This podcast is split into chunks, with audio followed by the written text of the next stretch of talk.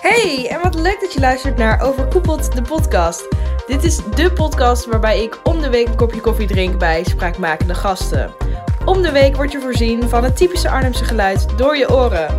En of course is Overkoepeld de podcast ook boeiend voor als je nog niet bekend bent met Arnhem's trots. Met een vriendin mee naar een paaldansles. Daar zit Pocahontas avontuur begonnen. De inmiddels welbekende Arnhemse Pocahontas begon met danslessen geven in haar studentenstad Utrecht. Daarna is ze online lessen gaan geven vanaf haar zolderkamer in Arnhem. De Pocahontas bleek een natuurtalent, want de paaldanslessen zijn nu te volgen in haar eigen dansstudio hier in Arnhem. Ze is inmiddels niet meer uit de danspaal te halen. Ik heb het natuurlijk over Felicia ten Haven. Felicia, hoe is het met jou? Ja, goed, dankjewel. Ja, en uh, hoe is het met de studio? Nou ja, um, uh, goed en iets minder goed. Want ik ben heel erg blij dat ik hem heb. Um, hij is nu natuurlijk wel dicht door corona. Uh, en ook al best wel een tijdje. Maar uh, toen hij wel open was, was ik heel, had ik echt een vliegende start. Dus ik was echt heel blij met hoe het liep en de leden. En voor mijn gevoel was er wel gelijk een thuissfeer voor heel veel mensen waar ik op doelde. Dus dat is het goede gedeelte. Ja, want de studio is in september opengegaan, vertelde je net.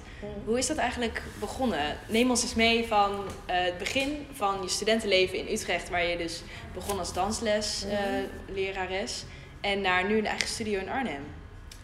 Oké. Okay. Uh, nou, het grappige is dat ik eigenlijk in eerste instantie, toen ik begon met paaldansen, leek het me helemaal niks. Het was inderdaad iets wat die vriendin had voorgesteld. En ik dacht, oké, okay, nou dit is leuk. Dit is een manier voor ons om te bonden samen. Dus dat gaan we doen. Uh, en toen had ik de eerste les gevolgd en toen dacht ik, oké, okay, dit is echt fantastisch. Dit is echt, uh, dit is mijn leven nu. ja, want je was eigenlijk helemaal niet zo sportief, uh, wordt er over jou geschreven. Ja, klopt. En nu ja, heb je dus gewoon ja, een soort van droom te ja, pakken. geestig hè. Ik had ook nog nooit eerder dansles echt gevolgd. en, en daar begon ik dus met paaldansen. En na een half jaar kon ik daar de beginnersles gaan geven. En toen ben ik verliefd geworden op het lesgeven zelf, wat ook wel weer een vak apart is. En ik vond dat gewoon zo leuk en het, het ligt me ook wel. Uh, en daar heb ik toen, uh, geloof ik, een goede vijf jaar ook les gegeven. En toen ging ik verhuizen naar Arnhem, want mijn vriend woont hier. En daar ben ik dus bij ingetrokken vorig jaar. En ik had het echt heel moeilijk met het idee dat ik die studio daar moest opgeven. Dat het was echt een groot deel van mij geworden. Dus toen begon ik met lesgeven inderdaad op het zolderkamertje, verwachtende eigenlijk dat er misschien hooguit één of twee iemand, iemanden bij mij les zou komen nemen. Uh, maar dat pakte heel erg anders uit. Ik had echt binnen no time te veel mensen voor het kleine zolderkamertje. En hoeveel, uh, hoeveel, mensen, hoeveel mensen spreek je dan? Uh, nou ja, wat ik zeg, ik had verwacht dat ik uh, hooguit één of twee, misschien drie mensen ernaast een keer les zou geven. Dus ik had echt niet een, een groot plan in mijn hoofd. Uh, en binnen no time had ik groepjes van drie bij elkaar. En dan meerdere timeslots op een avond. Dus, en op een gegeven moment was dat ook niet meer genoeg. Dus werden het groepjes van vier um, op één kamertje. Wat echt, nou ja, niet paste. nee. Dus ja, toen dacht ik, oké, okay, um, ik moet nu of nee gaan verkopen of ik moet doorpakken. Dus het werd doorpakken.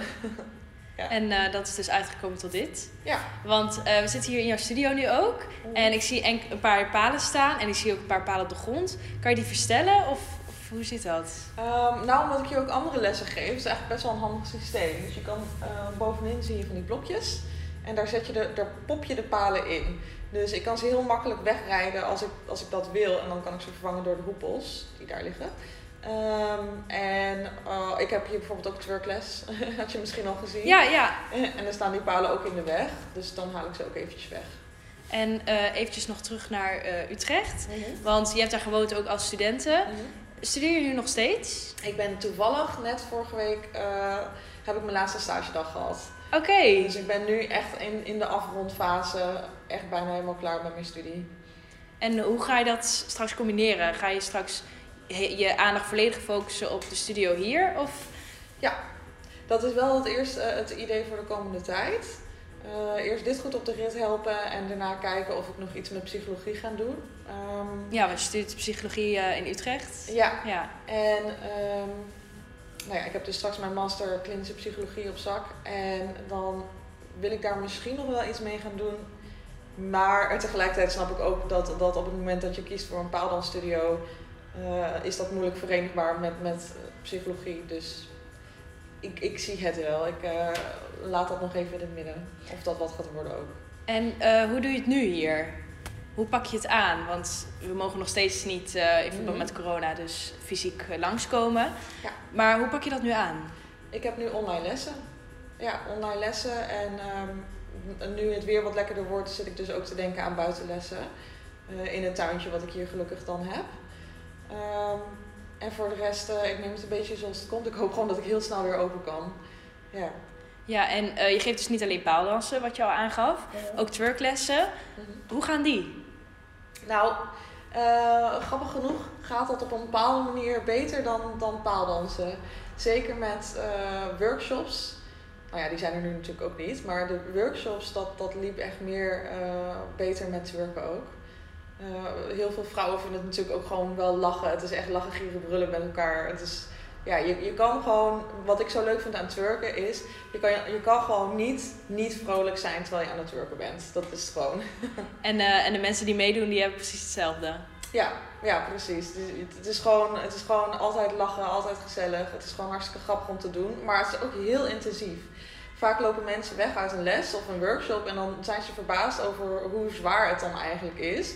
Terwijl je dat misschien niet in eerste instantie zou verwachten. Dus dat trekt vervolgens weer aan dat mensen denken: oké, ik kan hier dus ook echt mee fit worden. Dus en het is echt het grappigste wat je ooit hebt gedaan. En je wordt er nog fit mee ook. Nou, win-win. Is dat vaak gebeurd dan? Dat mensen echt eh, even pauze namen? Eh, ja, eigenlijk wel.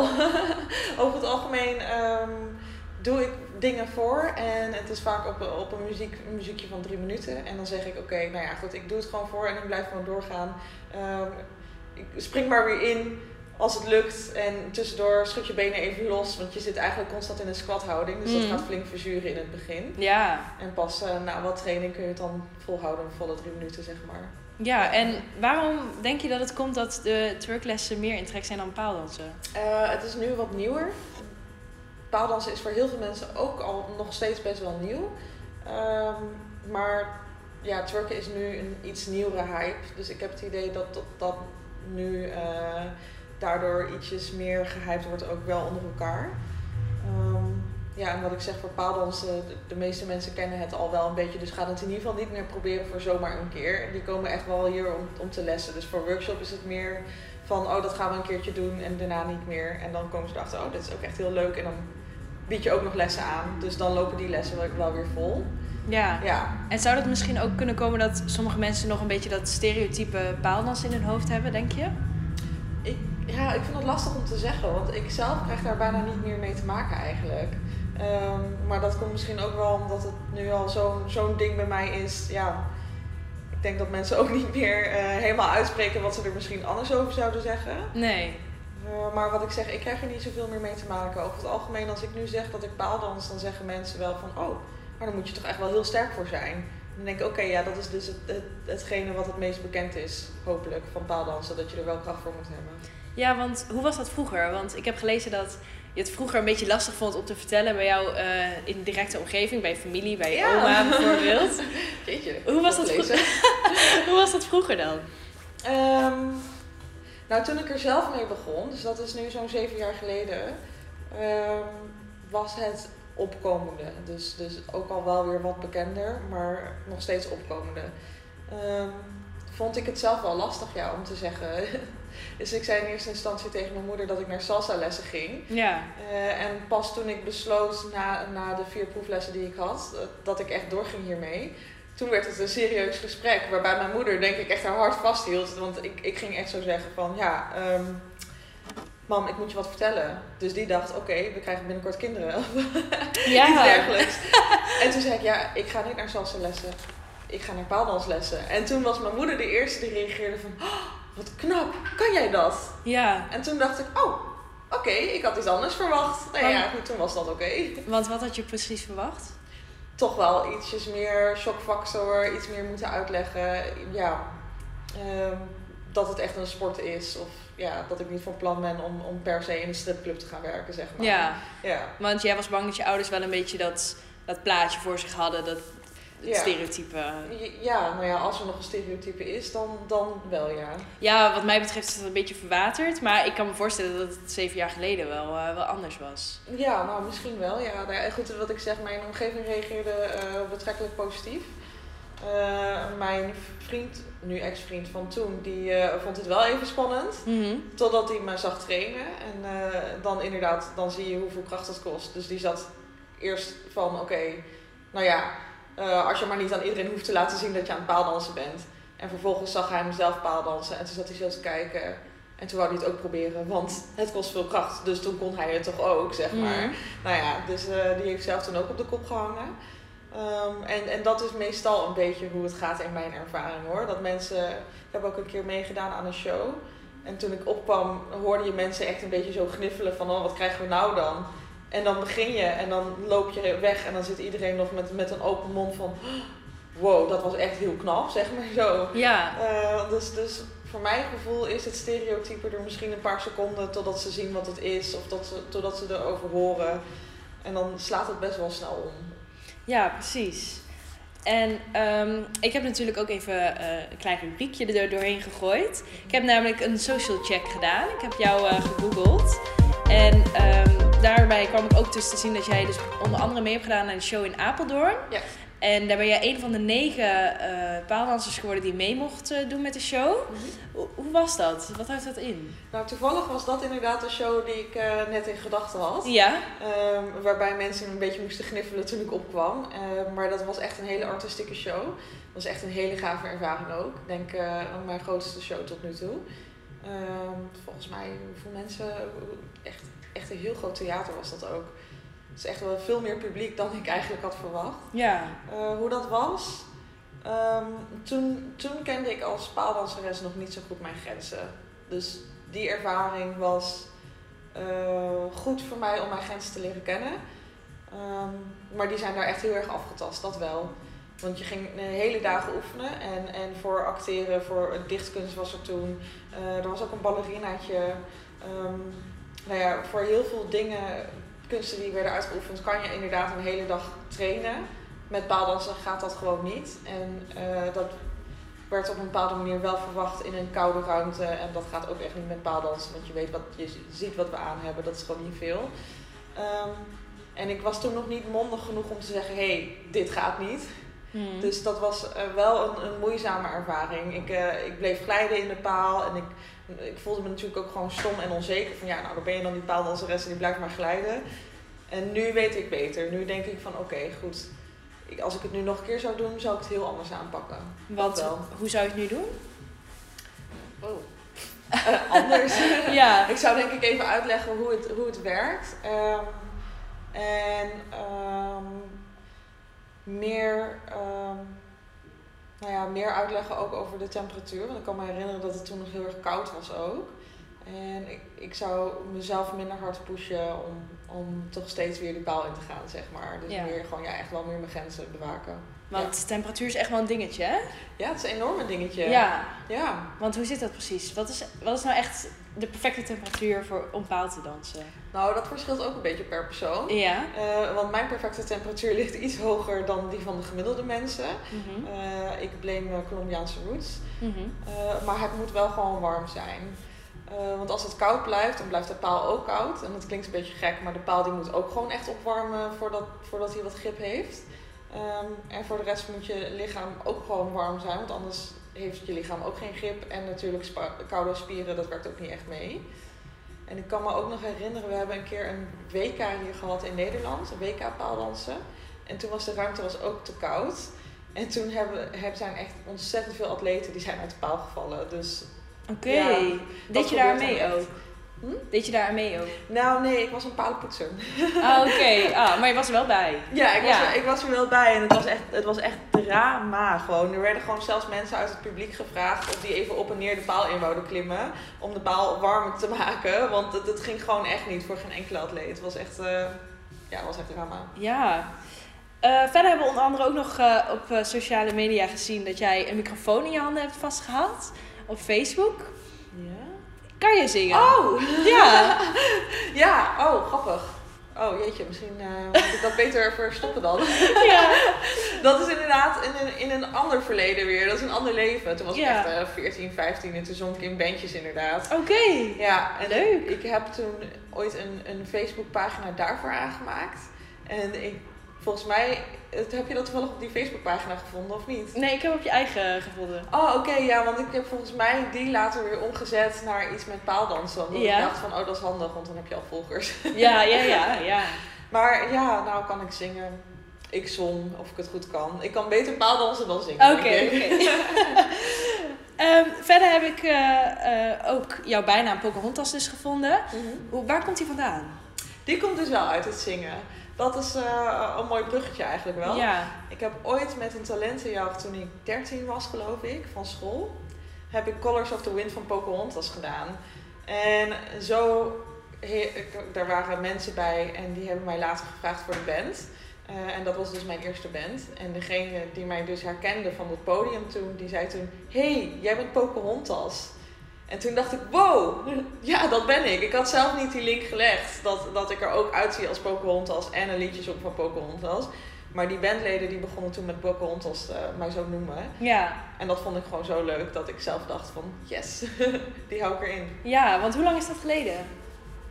Nou, ik was toen volgens mij 13, 13, 14. Dus ik ben nu 26, dus 13 jaar geleden. Ja. Ja, En altijd die naam dus eh, bij je gedragen.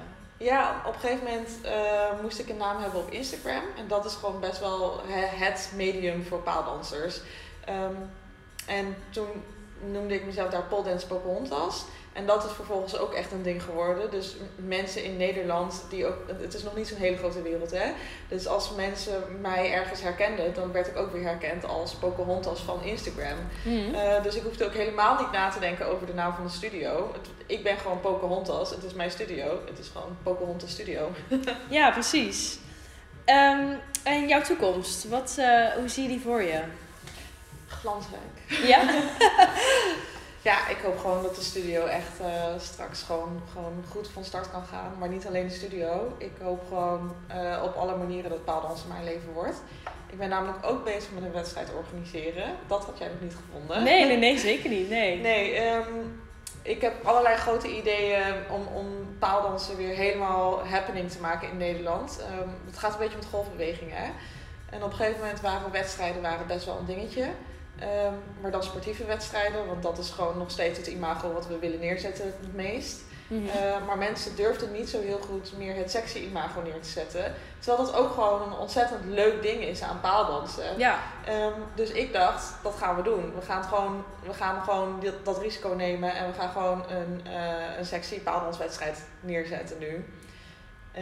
Waar ik nog even niet een naam voor heb, want de naam, daar, zijn wat, eh, er is wat controversie over.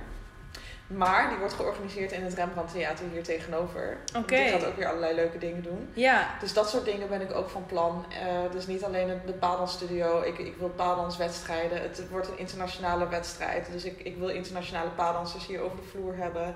Ehm, ik heb een, een twerkdag georganiseerd. Ik wil, ik wil eh, zelf een YouTube kanaal beginnen over paaldansen. Alles paaldansen, paaldansen, paaldansen. Ja. Het is echt eh, grote ideeën. Ja, nou, hopelijk dat die eh, uit mogen komen. Ja. Nu gaan we ook even verder, het brengt ons verder naar het rubriekje Guess What. Want ehm, je hebt het natuurlijk over paaldansen weer een beetje hot and happening maken in Nederland. Ehm, zelf hebben we het net ook even over gehad dat er eigenlijk maar twee paaldansstudio's officiële in Arnhem zijn. Waaronder jij er eentje van bent. ja. Wat vind je van dat aantal? Ehm, Oeh, lastig. Want ergens betekent meer, eh meer paaldansstudio's. Dat betekent natuurlijk ook gewoon dat, het, dat de sport groeit. Eh, ergens betekent meer paaldansstudio ook gewoon meer concurrentie. Dus ik ben heel erg blij met eh, de, de luxe positie die ik nu nog heb eigenlijk. Ja. Ja, maar denk je dat het er in de toekomst wellicht meer zullen zijn? Eh, en andere steden zijn het al gewoon veel meer. Mhm. Ehm, dus ja, dat zal best wel een, een, een optie kunnen zijn. Maar het kan natuurlijk ook gewoon zijn dat deze studio super groot wordt en uit gaat breiden. Dat zie ik ook nog wel zeker zitten. Ja. En ehm, volgens eh top10lijstjes.nl staat paaldansen niet binnen de eh, top 10 van populairste sporten in Nederland. Wat Nou. vind jij daarvan? Schandalig. Ja? En daar ben ik ook wel verbaasd verbaasd over hoor. Want ik, ik, ja, ik heb toch wel het idee dat echt ontzettend veel vrouwen zich wel in paaldansen kunnen vinden. Dus is het dan een top 10 van mannen en vrouwen samengenomen? Ja, ja, ja. Nou, ja, ik denk als je alleen van vrouwen neemt, dat het er zeker ergens wel bovenin moet staan, toch? Ja, ja, Ja. hopelijk eh, komt dat een keertje in de lijst dan. Ja, Ja, denk het wel. Eh, dan hebben we nog één rubriekje eh, openstaan. En dat is je favoriete Arnhemse stukje. Heb je die? Dat is Een favoriet plaatsje hier in Arnhem? Of een favoriet stukje bos? Favoriet Eh. koffietentje? Oh, ehm, ja, Postbank denk ik. Dat is het eerste wat in me opkomt. Dat is echt, ik, ik vond Utrecht verlaten vond ik echt heel moeilijk. Ja, kan ik begrijpen. ja. Ehm, maar een van de grote dingen die me echt wel aantrok in Arnhem was dat ik gewoon makkelijk op de postbank kom en daar dan kan hardlopen. En dat deed ik in Utrecht echt nooit. En hier geniet ik daar echt, echt ontzettend van. Dus postbank. ja. Leuk dat je hebt geluisterd naar Overkoepeld de podcast. Laat me zeker even weten wat je ervan vond en hopelijk luister je de volgende keer weer.